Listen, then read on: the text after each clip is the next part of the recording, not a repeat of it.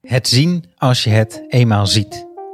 De wereld is een provocerende plek, het tegenovergestelde van een thuis. In de nacht een veilige haven vinden, aan wal een nieuw thuis bouwen, waar de provocatie geëerd wordt, de omarming als ultieme bescherming. Daar de randen opzoeken, op de dansvloer zwemmen, een volwassen vrouw baren. Provocerend te ver gaan, de wereld naar je hand zetten, maar altijd het kwaad blijven bedwingen om het kwaad te kunnen bedwingen. Dit is Kunsthart, de podcast waarin ik, Koven Tek, met mijn gasten in gesprek ga aan de hand van hun favoriete kunstwerk. Over het leven en een beetje over kunst. Vandaag praat ik met disco-dinosaurus Joost van Bellen. In de jaren 80 was hij een van de DJ's die de house naar Nederland bracht en nog steeds is hij een geweldige DJ. En schrijver, want zijn nieuwste boek Nachtdier ligt sinds deze week in de winkel. Met hem sprak ik over DJ zijn in coronatijd, provocatie en we kregen en passant nog wat mooie verhalen uit de oude Roxy-doos. Allemaal aan de hand van het kunstwerk Him van de Italiaanse kunstenaar Maurizio Catalan. Veel plezier met Joost van Bellen.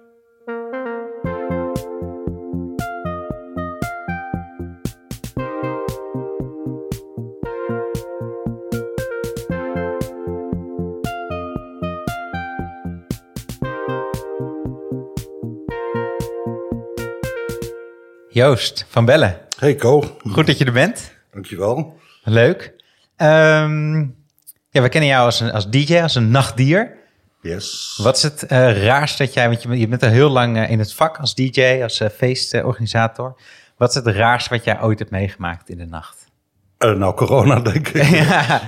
Dat, ja. dat is wel zo ontwrichtend geweest en alles onderuit halend. Dat, ja, dat, dat, dat, verwacht je nooit natuurlijk. Nee, nee. En dat, en dat het dan ook nog eens zo lang duurt en dat je elke keer aan het vallen bent en weer het lukt om op te staan en alles weer, die machine weer aan te zetten, alles te organiseren van tevoren en dan boem, weer stop. Ja. Dat is wel het meest bizarre wat ik ooit heb meegemaakt. Ja. Maar goed, het was niet in de nacht, dus dat... uh... Nee, nee, nee. Maar ik was eigenlijk op zoek naar een soort gekke anekdote van... Oh, ik denk, ja, oh, dat heb ik op mijn feest een keer denk, meegemaakt. eh, ik dat denk, zal ik nooit ehm, vergeten. Ik denk Lee Bowery, dat was een, eh, een eh, kunstenaar en een eh, model van Lucian Freud. En ehm, ja, mode kan je het eigenlijk niet noemen, maar hij maakte eh, outfits die performances werden. En die zong op het podium met zijn band Minty, Welk podium was dit? eh, Roxy, ja. en die 1984. En ehm, hij zag een beetje uit als eh, Margaret Thatcher. Dus, dus een, een mantelpakje aan. Met over zijn hoofd een, ehm, een panty met daar overheen make-up. Dus dat was heel raar. En hij was heel dik. En hij zong dan van alles, waaronder eh, nummer Useless Man. En ehm, bij één nummer viel hij achterover. Op zijn rug op een eh, flight case. Dus een eh, kist voor kabels en zo. En deed zijn benen in de V-stand van Victorie open. En toen gaf hij geboorte aan een volwassen vrouw. Die dus in hem zal had gezeten al een kwartier In dat lang. pak. In dat pak, ja. Ja. En dat ging gepaard met heel veel nepbloed en worstjes. en, en dat was, nog, dat was echt een shocker. En ehm, ook helemaal geweldig natuurlijk. Maar in het publiek was echt een the fuck. Ja, want jij, stond daarbij. Wa- Was je toen al betrokken bij de Roxy? Was je daar gewoon nog als, als ik, had het, feestganger? ik had het zelfs geboekt. Dus, Oh, je eh, het geboekt? Ja, ja, ja, ja. Want je had dit gezien of gehoord dat dit bestond? Nou, Lee kwam al een tijdje in de Roxy en deed, en deed daar optredens of zat in een jury of iets dergelijks. Was echt een icoon. En, die, ehm, en Eddie de Klerk had hem voor het eerst naar eh, Amsterdam gebracht, maar hij vond het hier erg leuk. ja. En, ehm, en dus bleef hij zo af en toe, een paar, paar keer per jaar kwam hij weer een performance doen. Hij heeft ook bij eh, het Holland Festival met Michael Clark, de danser, ehm, een eh, dansvoorstelling gedaan met de Full Live. En dat heet I'm Perfectly Orange of zoiets. Ook, ook waanzinnig hoe dat eruit zag hoe het ging. Oké, maar, dus- maar dit, maar dit oké, dus ik zie iemand voor me die inderdaad in een groot pak in, eh, met zijn benen wijd een eh, geboorte geeft aan een volwassen vrouw. Ja. Eh, dat is, klinkt echt als iets wat overdag niet zo goed zou kunnen, maar in de nacht wel. Ja, ik denk dat overdag, zeker nu, dat er heel veel mensen flauw zouden vallen of eh, eh, heel boos zouden worden. Of, Ja. Maar wat is dat dan toch van de nacht dat dat s'nachts... De nacht, Kan is een, de, de nacht kent andere regels. De, de nacht is een plek waar het, het daagse niet bestaat. Dus het zijn, het zijn een soort Jekyll en Hyde. Ehm, de nacht is ook een vrijplaats voor andere ideeën voor, andere, je anders uiten, je misschien zijn wie je eigenlijk bent uh, of wil zijn. Of zijn die je uh, voor een keertje wilt zijn. Um, denk ook dat bijvoorbeeld uh, travestie in de nacht veel belangrijker en prominenter aanwezig is dan overdag. Ja. en, en jij voelt je daar dus wel toe aangetrokken. Jij vindt die nacht toch, je bent iemand die, die een groot deel van zijn leven in de nacht heeft, doorbrengt. Ja, vanaf heel klein al, ja. Um, want is dat, is dat experimenteren, is het gewone leven niet, uh, is het te saai? Wat is dat? Nou, ik, uh, te saai aan de ene kant, dat riep ik altijd. Maar misschien is de realiteit ook te um, heftig en te, te vals. En te, te vals? Ja, val, vals imago. Dat mensen bepaalde wetten en, en uh, meningen hebben over dingen die, ja, die eigenlijk gewoon de, de gruwelijkheid van de mensheid in zich hebben. Ja, ik ga nu een beetje naar het kunstwerk toe. Nee, daar komen, komen we straks. Komen we straks. Maar ik denk dat ik, ik, ik, ik ben, toen ik klein was, begreep ik dat ik niet geaccepteerd zou worden door het dagelijkse leven. En daardoor, daardoor heb ik me al vanaf heel jong een outsider gevoeld. Ja. Iemand die geen plek in het, in het, uh, in het leven gegund werd. Hmm. Omdat ik uh, fout was. Ik was homoseksueel en volgens mij, dat wist ik dan nog helemaal niet. Maar zoals ik was er maar één iemand op de wereld, dacht ik. Ja. En, en in de, in de nacht vond je andere mensen soort toch Ja, maar daarvoor, dat was dus al heel jong. Dus dan ging ik, Hoe jong is dit? Uh... Nou ja, misschien acht of zo. Oh, echt? Negen, ja. Dat ik echt dacht, ik hoorde niet bij. En, en dan ging ik, in de nacht ging ik naar radioprogramma's luisteren. En ook vooral als het een beetje mooi weer was, naar buiten om uh, te gaan liggen op een stretcher en te kijken naar, de, naar het universum. En hmm. als het een, niet bewolkt was, en te verdwijnen tussen de sterren en naar een andere wereld op zoek. Ja. En dat, ja. En, en, en, heb, je, heb, je, vind je, heb je dat dan gevonden in de nacht? Vind je dan gelijkgestemde of na dat verdwijnen? Ja, ja, absoluut. Ja, je vindt daar gelijkgestemde of mensen die ook anders zijn, maar op een hele andere manier. En daardoor kom je ook tot een soort gekozen familie. Ja. Niet dat mijn familie uh, mij niet accepteerde, absoluut niet. Mijn familie is hartstikke fijn geweest met mijn gezin. En, uh, maar in de nacht vind je mensen die ook denkbeelden hebben die, die niet binnen de hokjesgeest passen. Of die, die daar totaal tegen aantrappen. En uh, eigenlijk soms, soms heel boos zijn op de wereld. Of of de wereld uitlachen of uh, wraak nemen of hmm. uh, uh, ermee spelen, vervormen. Um, maar, dat, maar dan, als je, dat, als je zo thuis voelt in die nacht. Kijk, die coronaperiode was natuurlijk voor ons allemaal ingewikkeld. Maar god, ik kon nog steeds een podcast maken en mijn gedichten schrijven. Dat deed ik toch wel overdag. Maar voor jou viel dan een soort, ja, dat, dat bijna... Bestaan, ja, dat bestaan viel weg. Mijn bestaansreden viel weg, ja. Dus ik was wel aan het schrijven aan mijn boek. En toen dacht ik van ja, ik moet nu gewoon iets te doen hebben. Uh, want dit gaat de verkeerde kant op. Ik ben gewoon doemdenker. Ja. Dus um, uh, toen ben ik door gaan schrijven aan mijn boek. En ben ik, is, het, is dat hele boek ook veranderd qua uh, instelling. Want opeens... Ik had eerst zoiets van, ik ga een boek schrijven. Maar je hebt, je hebt, een, je hebt een nieuw boek gemaakt. Ja, dat, komt, ja. dat is nu, als, we dit, als mensen dit luisteren, is dat bijna uit of al uit. Wanneer komt het de uit? 13e oktober. 13 oktober. Ja. En het heet Nachtdier. Nachtdier heet het. En het is het verhaal van een DJ op leeftijd die bang is dat hij uitgerangeerd is. Hmm. Of er niet meer toe doet. Is dat en, uh, autobiograaf? Mag je eigenlijk niet vragen aan de schrijver, maar dit ligt nu wel heel erg voor dan. Het is mijn oprecht gelogen autobiografie. Oké, ja, heel goed, heel goed. En um, uh, die schrijver die gaat, of die DJ gaat naar, vliegt naar uh, Bahia. Om daar in het beste hotel van Zuid-Amerika zijn memoires te schrijven. En hoe het nou ver, zo ver gekomen is dat hij te maken heeft gekregen met angststoornissen en depressies. Omdat hij zo bang is dat hij er niet meer toe doet. Hmm. En uitgestoten wordt. Of verstoten wordt. En um, daar was ik mee bezig. En toen, toen brak dus corona uit. Ook in dat, uh, bij dat uh, mooie, vreselijk mooie hotel in Bahia. En toen kwam alles, alles in een ander nachtlicht te staan, om het zo te zeggen. Oh, mooi, ja. En uh, toen moest ik echt gaan, uh, gaan graven naar de reden waarom ik nou echt, echt voor de nacht gekozen heb. En waarom... Uh, en wat is, wat daar in, in, in één, twee zinnen het antwoord op? Of we moeten daarvoor eigenlijk het hele boek lezen? Dan moet je het hele boek lezen. dan gaan we dat doen.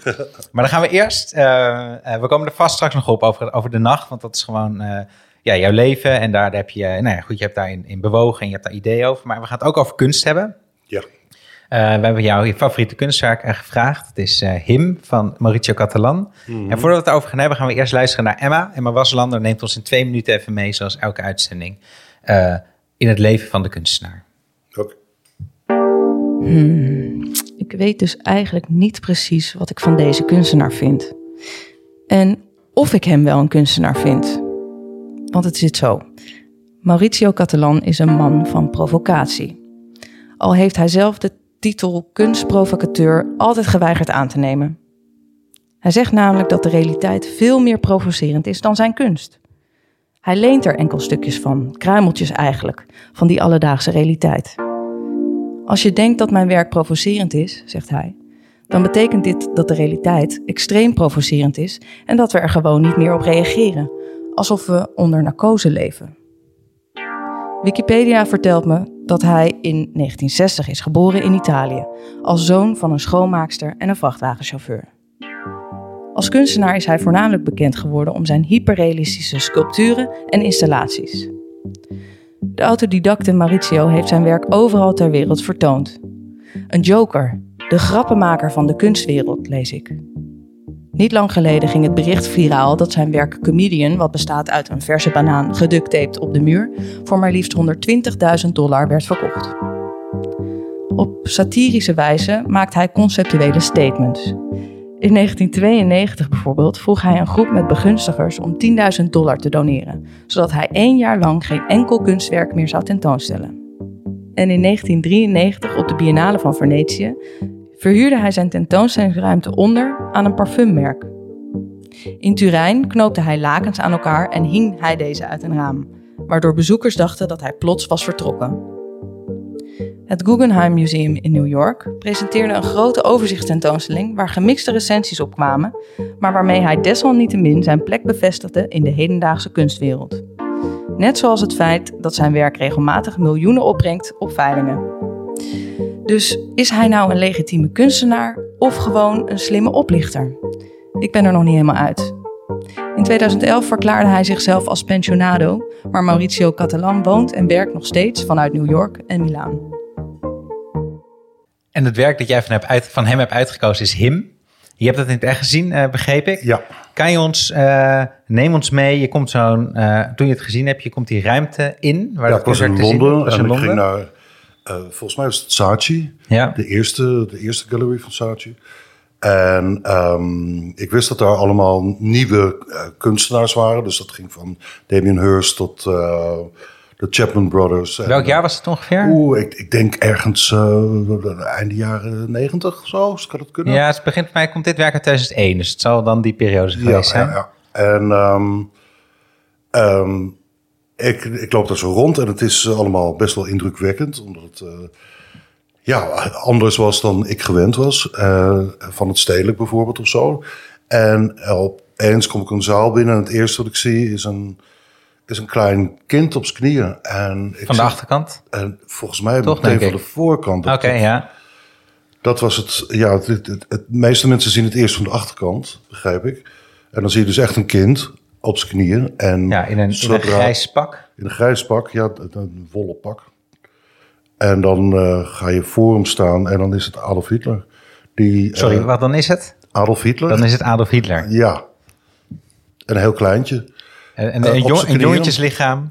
Ja, nou ja, het, hoofd is ook, denk ik, wel in proportie. Dus het is, het is een Adolf Hitlertje op zijn knieën en die eh, bidt of vergiffenis vraagt. Of vergiffenis aan God, maar misschien ook wel vergiffenis aan de mensheid.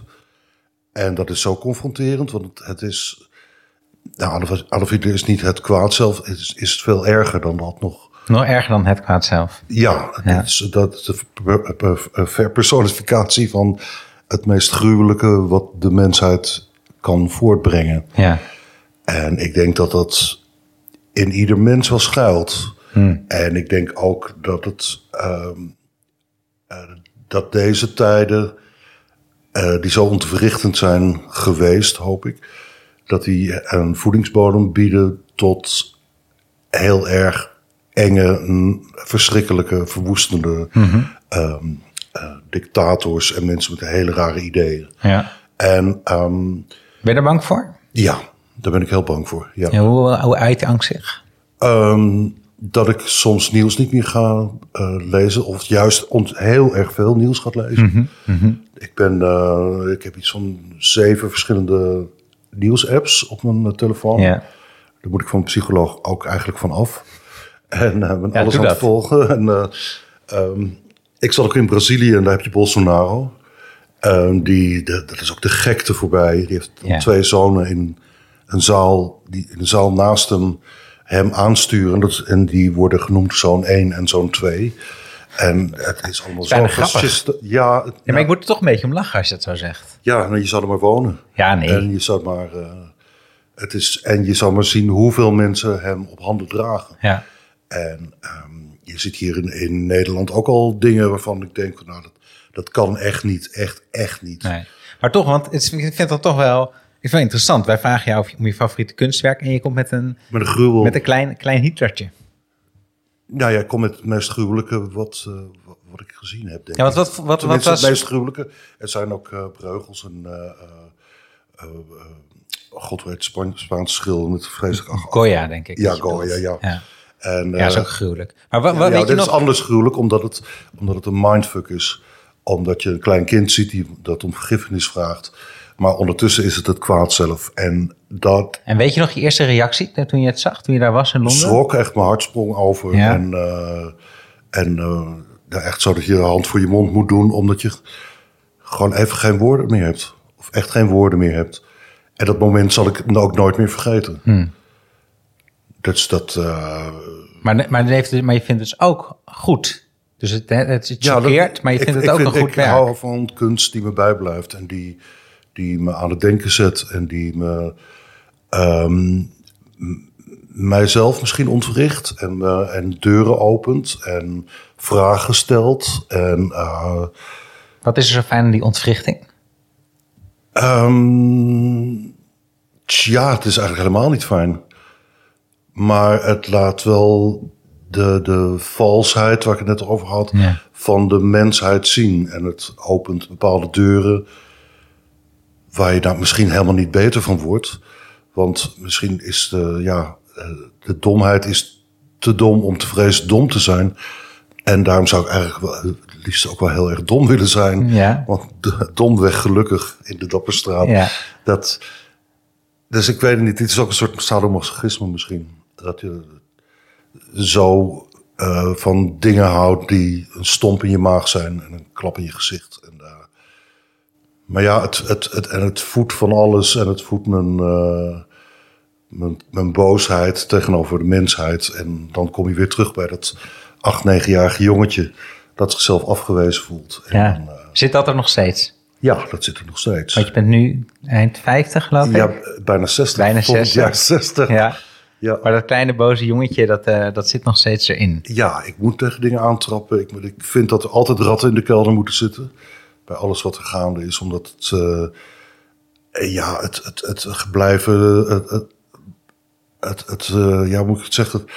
Je goed voelen in het conventionele, dat is een, is een, is een, eh, een nekschot aan de toekomst. Stilstaan is een, is een nekschot aan de Je, zegt- je zegt heel veel nu. Dus er moet een rat in de kelder zitten, want je moet niet te comfortabel zijn. En de meeste mensen de die een conventioneel leven leiden, die zijn te comfortabel. Die willen zichzelf wel comfortabel voelen, maar je moet vooruit en je moet zorgen dat de dingen in goede, goede banen geleid worden. En ja, ik denk dat, dat, dat de mensheid dat voor een deel ook altijd gewild heeft, maar heeft natuurlijk ook wel hele grote fouten gemaakt. En ik denk dat het kapitalisme zichzelf totaal voorbij is geschoten. En dat, Ja. er, dat er eh, vreselijke dingen zijn gebeurd, terwijl wetenschap al zo lang loopt te, te Maar wat roepen dan- van hou, weet je, let op het klimaat, maar nee. maar wat Geldt dan voor- anders dan die rat in de kelder die er moeten zijn? Sorry? Je zei ook, er moeten altijd wel ratten in de kelder Ja, zijn. ja, om eraan te knagen, om, om aan die fundamenten van het conservatisme te knagen. Ja. En, eh, en, en, en een soort onrust te blijven veroorzaken. Dat, dat we niet op onze lauren rusten. Er moet, eh, de- het leven gaat door en kan hele rare sprongen maken. En ehm, daar moeten we voor, ons voor wapenen. En, uh, en provocatie is een manier om, dat, om, om ons daar tegen te wapenen. Want dat, is, ja. want dat is toen jij dit werk, toen ik hoorde dat jij dit werk had uitgekozen, dacht ik gelijk, ja, dat snap ik. Want jij bent denk ik ook een provocateur. Zie je zelf zo trouwens? Uh, wel, wel een beetje. Ja, kan, kan natuurlijk veel heftiger nog. Maar, ja. maar ik, ben wel, ik hou wel van provocateurs, ja. ja. En ik, ik, ik ben het zelf ook een beetje. Ik kan niet tegen bijvoorbeeld. Het, ik zat bij het beginploegje van de DJ's die uh, house hebben neergezet. Jij hebt jij die naar Nederland hebben gebracht, toch een beetje? Ja, ja. Maar was best wel provocatief in die tijd. Dat was heel provocatief. De dansvloer ging in staking. Ik heb drankjes naar mijn hoofd gesmeten gekregen. Uh, het personeel van de Roxy ging in staking. En dat, de, de, want er kwam niemand, dus de, of de mensen werden boos. Gingen bijvoorbeeld zwemmen op de dansvloer. Zo van, wat moet ik hiermee? En, ja. en die punkgeest van dansmuziek, die is natuurlijk helemaal uitgegaan. Met, uh, met brave uh, lounge house en, uh, en van die happy soulful house, waar iedereen maar zo... Ja. Weet, je nog, weet jij nog, ben ik heel benieuwd naar, wil ik het verder over hebben, ook straks nog over de, die Roxy-tijd en inderdaad of, mhm. dat, of dat misschien nu nog zou kunnen. Maar ik ben ook wel benieuwd naar, weet jij nog zelf de eerste keer dat je house muziek hoorde? Ja, ik, ik, ik dacht altijd dat ik dat voor het eerst hoorde toen ik een plaat bij Boeddhist kocht in 1986. Mhm. Eh, maar waarschijnlijk heb ik het al eerder gehoord, maar dan in een andere variant. Dus niet de, de, de, waar men van zegt dat house vandaan komt. Chicago en um, Detroit. New York en uh, Detroit stek nog. Oh, sorry. ja, nee, nee, heel goed, corrigeer me vooral. Ik, jij weet er meer en, van. Um, maar ik, vroeger was er een, een, club die heette Zorba de Boeddha. En die werd ge, uh, het was een club van de Bachwan. En Waar was die? Op de ouderzijds Voorburgwal. Amsterdam. Ja, Amsterdam. En dat werd door de, de, de Bachwan geleid. En het, was daar spik en span. Alles was brandschoon. En dan draaiden ze vooral hele vrolijke uh, popnummers. En de, de Sanjassins waren dan heel extatisch aan het dansen. Maar wij liepen daar ook tussendoor, in het zwart dan allemaal. Want dat, we waren Doom en nog New Wave en, uh, en Goth. En, um, en af en toe waren het nummers die, die waren een elektronische beat. En er werd niet in gezongen. Dat was geen liedje, dus dat geen kop en staart aan. Geen refrein, uh, couplet, geen brug. Mhm. Er was niets conventioneels aan. En wij begrepen daar helemaal niets van. En vonden dat heel raar. En dan liepen we dan van de dansvloer af. Um, dus jij begreep het eerst zelf ook niet? Ik, maar ik weet niet zeker of het, of het dance was. Of het hmm. een soort voorloper van Goa trance was. Dat zou best wel eens kunnen. Dus dat, dat is het misschien. Of het was die plaat die ik bij Boeddhist kocht. En toen de Roxy open ging in 87, draaide ik dat al maar meer op een soort van manier zoals altijd gedraaid werd. Je draait een nummertje en dan weer een ander nummertje, ander nummertje. Bij het ene nummertje dans je wel, bij het andere niet. Heel iets anders dan na die house-revolutie toen men gewoon meegezogen werd. In en die nummers in elkaar werden overgedraaid. Ja, en dat je... ja Eddie de Klerk deed dat op een bepaald moment wel. Die, uh, die geloofde daar heel erg in. En uh, dat is hem niet makkelijk afgegaan, maar het is hem uiteindelijk wel gelukt. Ja, ja. En ik was meer voor de evolutie en uh, Eddie was echt voor de revolutie. Oh, ja, ja, ja. En, Goed, is een grotere provocateur. Ja, precies. En toen kwam dus in die Roxy. Hadden we het net wel even over met Lee Bowery, die daar dit soort performances deed. Dat was mij ook een beetje, ik bedoel, het is voor mijn tijd. Uh, dus je uh, moet me een beetje meenemen in hoe dat uh, aan toe ging. Maar dit is wel het beeld dat ik ervan heb. Dat dit soort Lee Bowery-achtige geboorteperformances, dat dat, dat dat aan de orde van de dag van de nacht was. Ja, die, nou, dat was natuurlijk niet zo. Dat was wel heel speciaal. We, veel mensen zien de Roxy als een als een sprookje, als iets, eh, dat, dat, dat, dat is zo megalomaan geworden, die naam. Zo. Maar er waren natuurlijk ook heel veel hele saaie avonden. en, uh, of ja. uh, gewoon slechte avonden, niet leuk. Ja. Um, maar goed. Uh, Zo grappig, het doet me denken aan, jij hebt mij ooit, want wij kennen elkaar wat langer. En ik heb ooit, jij hebt, jij hebt mij ooit een levensles uh, geleerd. Dat weet je misschien zelf niet eens meer, maar ik denk daar af en toe nog wel aan. Oké. Okay. Um, ik, vroeg een keer, ik heb een keer aan jou gevraagd dat het erop leek alsof alle feesten die jij gaf een succes waren. En toen sprak jij de wijze woorden, ja dat is niet zo. Alleen de feestjes waar die mislukt zijn, daar kwam ook niemand. Dus daarvan weet ook niemand dat het mislukt is. Ja. En dat vond ik altijd een hele interessante gedachte, omdat je... Nou, het verleidelijk is natuurlijk om bij andere mensen vooral de successen te zien. Ja. maar dat het ook te maken heeft met gewoon dingen proberen en kijken of het, of het lukt of niet.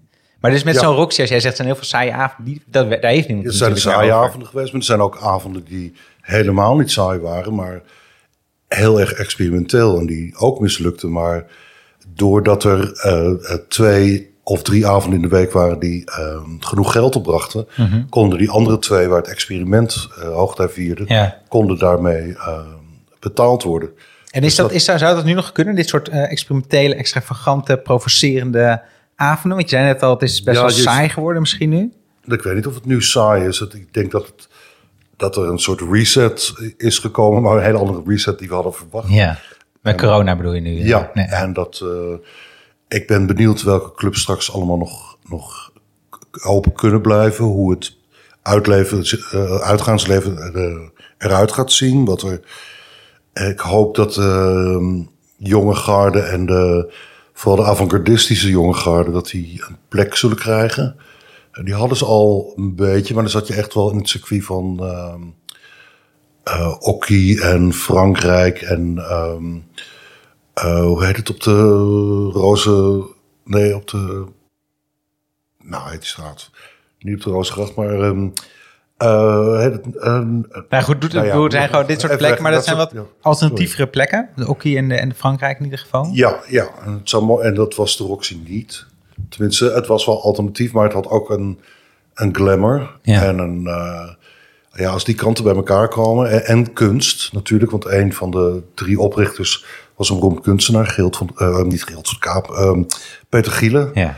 En eh, dus daardoor was het altijd belangrijk dat in de Roxy ook kunst met uitgaan en ook mode. En, eh, Maar komt het terug, denk je, nu na deze reset? oh, ik weet het niet. Ik, ik, ik hoop het zou wel heel erg leuk zijn. Ja.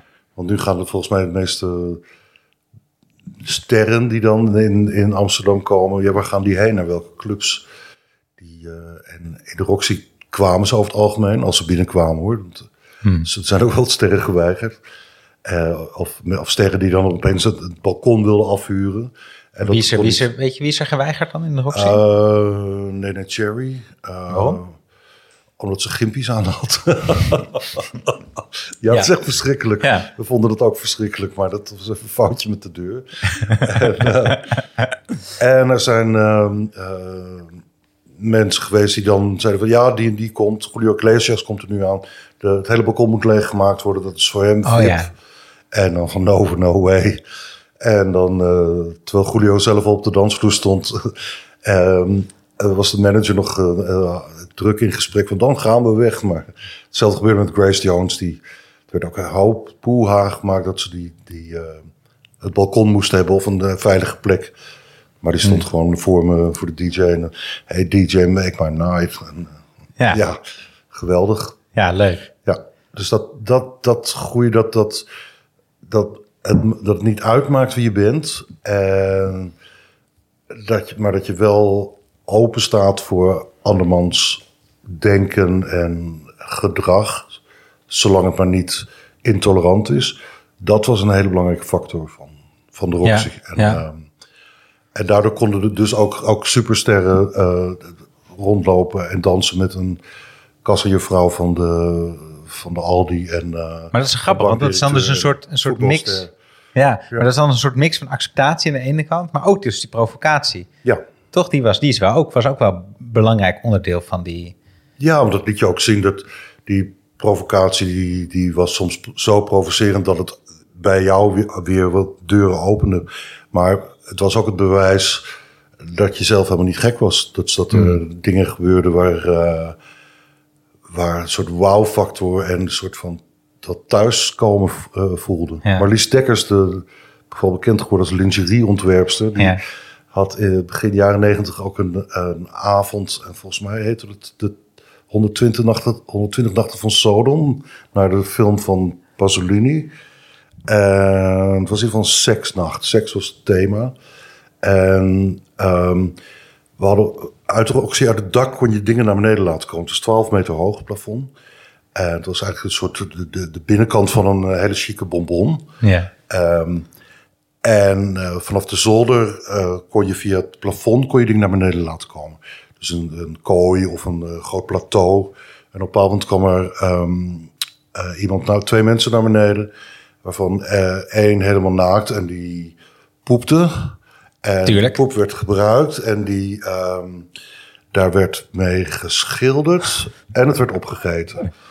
En Super. dat was natuurlijk zo shocking. Maar ja, niet voor mij, want ik wist dat ze Ja, ja. klisma hadden genomen. En heel schoon waren dat het ehm eh, pindakaas was met Ah, alles ja, erin. ja, maar ik geloof wel dat een heel groot deel van het publiek En wat... walgend is ja. weggelopen. Ja, nee, dat, ik weet, ook, dat is net, weet zo, ook niet of ik het... net zoals dat- Pasolini's film, is het eh 120 dagen van Sodom heet geloof ik. Ehm, zou kunnen. Ik heb die gaat ook over de perversie van fascisme. En eh, En wat voor, wat voor deuren opent dat dan? Je zegt de provocatie opent deuren in je hoofd. eh, die, laat, die laat je niet vastgeroest zijn. Die eh, opent nieuwe werelden. Ja, wat voor werelden dan?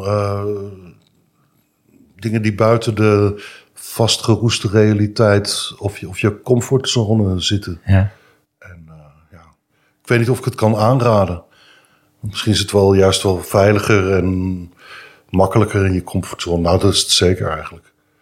Je weet niet of je het kan aanraden. Nee, want ik, door zo'n leven te leiden en met zoveel mensen te zijn die best wel edgy he- hebben geleefd of leven, eh, zijn er ook best wel veel slachtoffers gevallen. Er Zijn, sommige mensen zijn heel kwetsbaar, maar, maar hebben daardoor een defensiesysteem van heb ik jou daar. En zoeken die randen ook op, maar hebben ook iets heel donkers in zich. En dat kan dan, als je de realiteit ontvlucht, kan het natuurlijk niet, hoeft het niet alleen maar door het uitgaan te zijn, maar dat kan ook in drugs en verslavingen. Ehm, eh, mensen raken, eh, krijgen ook psychoses of. Hoe is dat, hoe is dat voor jou? Heb jij die, die donkere kant? En je zei net al die, dat die boosheid er nog wel in zit. Maar dit soort... Jawel, jawel. Ik heb, ik heb eh, behoorlijk last gekregen van eh angststoornissen en depressies een tijd. En ben daarvoor nog steeds onder behandeling. Ehm, en ik heb best wel wat vrienden die er zelf uit zijn gestapt. Wordt heftig. Ja, afgelopen weekend nog afscheid van één genomen. En eh, ja, dat hakt erin. En word je daardoor sterker? Is, heb je daar, krijg je daardoor een dikkere huid? Nee. Maar gelukkig konden we echt afscheid van hem nemen. Andere hele goede vriend van me had in zijn afscheidsbrief gezegd... dat we nooit meer over hem mochten praten, zijn naam niet meer mochten noemen. En dat was iets wat het echt niet, eh, niet te verkroppen viel. Nee. nee. Dus Maar dus misschien is... Dus de nacht klinkt misschien leuk, maar er zit, er zit ook een, een, een, een, een andere donkere kant aan. Niet alleen de donkerte van de nacht zelf, maar misschien ook wel de... Ja, het is, het is een, een, een veilige plek voor mensen die zich anders voelen. Maar, en dat is allemaal hartstikke goed. En daar kunnen ze een gekozen familie eh, bij elkaar krijgen. En eh, elkaar leren kennen. Maar, maar het heeft natuurlijk ook wel een heel gevaarlijk randje. En eh, Voelt dat als balanceren soms voor jou? Ja, balanceren in een, eh, in een rollercoasterwagentje. Je lacht erbij. Ja, omdat het ook helemaal te gek is. Oh ja. Ik heb in ieder geval geen saai leven gehad. En, eh, en nog steeds niet. Maar het is af en toe ook wel pijnlijk. Ja. Ja. En overweeg je wel eens om eh, over te stappen naar de andere kant, naar de dag? Dat heb ik al gedaan. Oh, de, naar de dag. Ja, oh, gewoon nee, dat je dan gaat het leven. naar, naar het comfortabele, naar het comfortabele. Ja, net- uit het leven heb ik het wel gedacht. Maar en om, om over te stappen naar de dag. Oeh, ik denk dat ik misschien dat er een punt komt dat ik dat wel moet gaan doen. En dan ga ik nog meer schrijven. Ja. Want ik heb een hoop te vertellen. Heel goed, heel goed. En je zei net ook al, en Emma haalde het ook al eventjes aan in dat stukje, in haar stukje, dat eh, de wereld misschien wel provocerend is, ook de dag, maar dat we dat niet meer goed zien. Dat we een soort onder narcose zijn. Nou, dat zei, dat zei Catalan natuurlijk ook. Ja. En eh, ik begrijp niet waarom Emma het toch? Ja. Waarom zij in, het in discussie brengt of het nou echt een kunstenaar is of niet. Ja, Dat vind ik nogal eh, een arrogante houding. En eh, sorry Emma. En, eh, dan dat is voor jou geen, daar is, dat is voor jou geen twijfel over. Nee, ik vind sowieso wat is kunst en wat is niet kunst. Het is zoiets als wat is literatuur, wat is geen literatuur.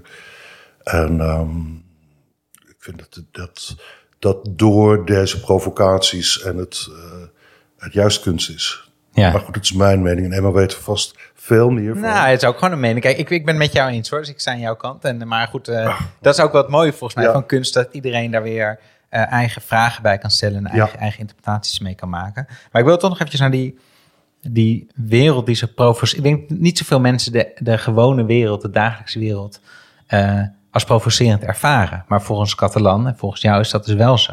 Ja. Wat, Ja. zien, wat, zien, we, wat zien we dan niet? Ehm, eh, onverdraagzaamheid, ehm, aannames van mensen die eh, haat in mensen de ogen, ehm, dingen die er op het wereldtoneel gebeuren, de, eh, nu dan de, de, het, het verloren vertrouwen in de politiek, vind ik heel eng. En, ehm, maar mij verliezen ze ook, dus dat, is, dat, is, dat vind ik heel raar. Wat zei je jou? dat, dat je het vertrouwen in de politiek verliest. Oh ja. En eh, in de, eigenlijk in de democratie daardoor. Het werkt niet op het moment. En het is, eh, het is doodeng. En eh, ik denk dat heel veel mensen dat niet zien of niet willen zien. En dat is misschien maar beter ook, want het is geen pretje om het te kunnen zien. Ja, dan ga ik weer heel dubbel. Nou, nee, hier klinkt ook wel de, de, de angsten en de, en de somberheid klinkt hier ook wel een beetje Ja. doorheen. Ja. Eh, is het ook misschien dan een. eh, want goed, ik, ik, ken, ik heb ook so- dit soort sombere periodes gehad. Dus ik, ik ken je daarin. En ik denk dat we. Nou, iedereen die luistert, sowieso misschien wel sombere periodes kennen. Misschien niet zo somber, maar anders zeker wel iemand kent of in de omgeving heeft. Want het is. Hè, het is aan de orde Ja. van de dag. Maar misschien is het dan ook, want dat is ook een beetje misschien mijn ervaring, dat je die. Ja, je, als, je het, als je ziet hoe eh, provocerend of hoe, hoe ingewikkeld de wereld is, ja, dan word je dus. Dan kan je ook eigenlijk niet meer functioneren. Tenminste, ik, kon, ik functioneerde niet meer. Maar dat, dat, dat, daar heb je gelijk in. Dus daarom moet ik inderdaad maar af, af van al die nieuwsapps. Want het is, Ja. ja. ja, ik kan me daar best wel in verliezen. En, en, maar ik had het al toen ik heel jong was, dat ik, dat ik dacht van, het klopt, het klopt allemaal niet.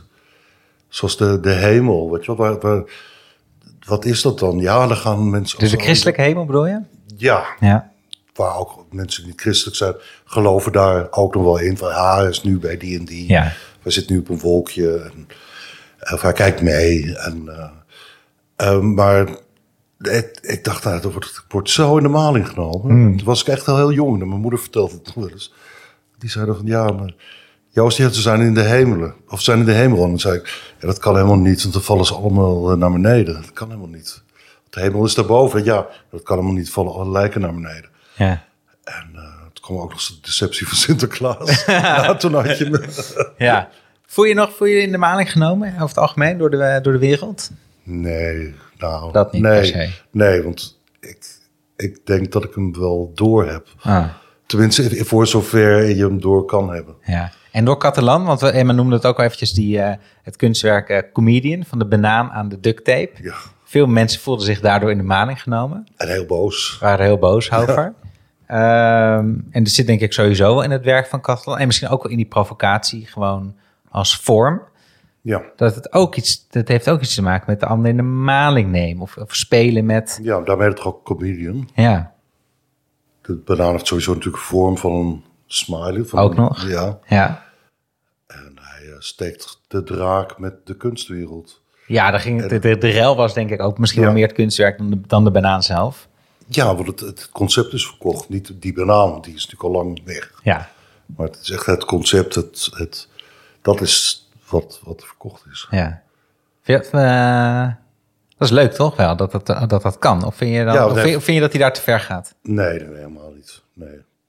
Wat is te ver gaan? Ja, als je slachtoffers eist, dan ga je te ver. Ja. Maar verder, eh, nee.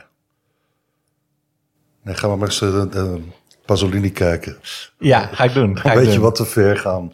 En of dat, en, maar ook dat kan. Ik heb geen film gezien waar zoveel mensen zijn weggelopen als bij die film. En toch is het dan, is het, dan, is het niet dan, eh, daarom misschien ook goed?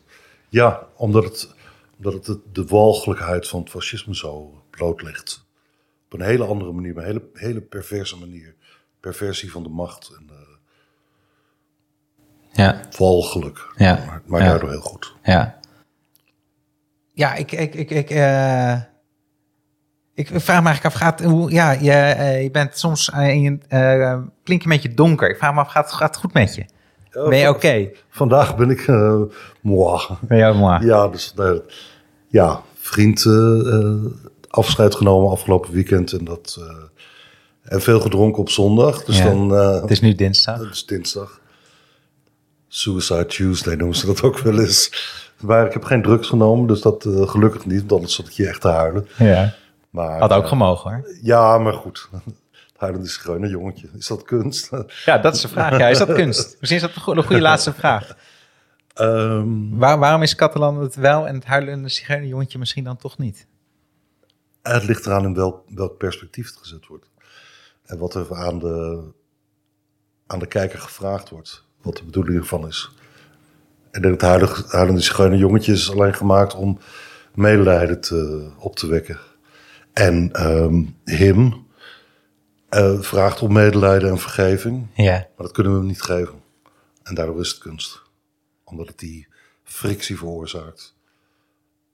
Mooie laatste woorden. Ja, het is een heel ander jongetje dan het huilende zigeuner jongetje. Ja. Ja, absoluut, absoluut. En het een, ja, eh, een heel, ja, god, dat, dat gezicht van, van, van die Adolf Hitler, je herkent het gelijk en het is zo, ja, ik vind, ik zou wel zeggen het gezicht van het kwaad. Jij zegt het eigenlijk nog verder. Maar Ja. eh, nee, het is, het is, ik heb het nooit in het echt gezien, maar als ik het, eh, en ik zal dan ook, als ik het zie, dan niet die ervaring hebben natuurlijk van, Ja. van de Bestaat ontdekking. Er, bestaat er maar één kopie van of niet? Van- Nee, ik denk dat het er meerdere zijn, maar dat weet ik ja, eigenlijk want ook zeggen, niet zeker. zeggen, Dat zetten we in de ik heb show het in notes. Boymans gezien en de ander heeft het weer daar gezien. En dus misschien is Adolf Hitler on tour. Adolf Hitler on tour. Ehm, nou, hopelijk ook snel weer Joost van Bellen on tour. Dat de Ja, ja, feest weer een beetje open Ja, gaan. ik ga ook mijn boek on tour. Boek en, eh, ik ga met mezelf on tour en dan gaan we lekker draaien. Heel goed. En, eh, zin in. Fijn. Fijn dat je hier wilde zijn. Heel graag gedaan. Him van Mauricio Catalan zit in een privécollectie en is dus helaas niet te zien voor publiek. Dit was Kunsthart. Vond je dit nou een mooi gesprek? Volg ons dan in je podcast-app. Mis geen aflevering. Volg ons op Instagram, @kunsthartpodcast, voor nog meer kunst in je feed. En word voor maar 2,50 per maand vriend van de show op vriendvandeshow.nl slash kunsthart. Met een kleine donatie maandelijks kunnen wij de liefde voor de kunst verder verspreiden. Deze podcast werd gemaakt door mij, Ko van het Hek, samen met redacteur, producer en confetti-kanon Julius van het Hek, in samenwerking met Dag en Nacht Media en Tabernacle. Emma is Emma Waslander, muziek werd gemaakt door Ed Bahoni en het artwork door Joey Andela. Dank jullie wel. En dank natuurlijk aan Joost voor het openhartige gesprek en Mauricio Catalan, grazie molto voor het prachtige, bizarre kunstwerk.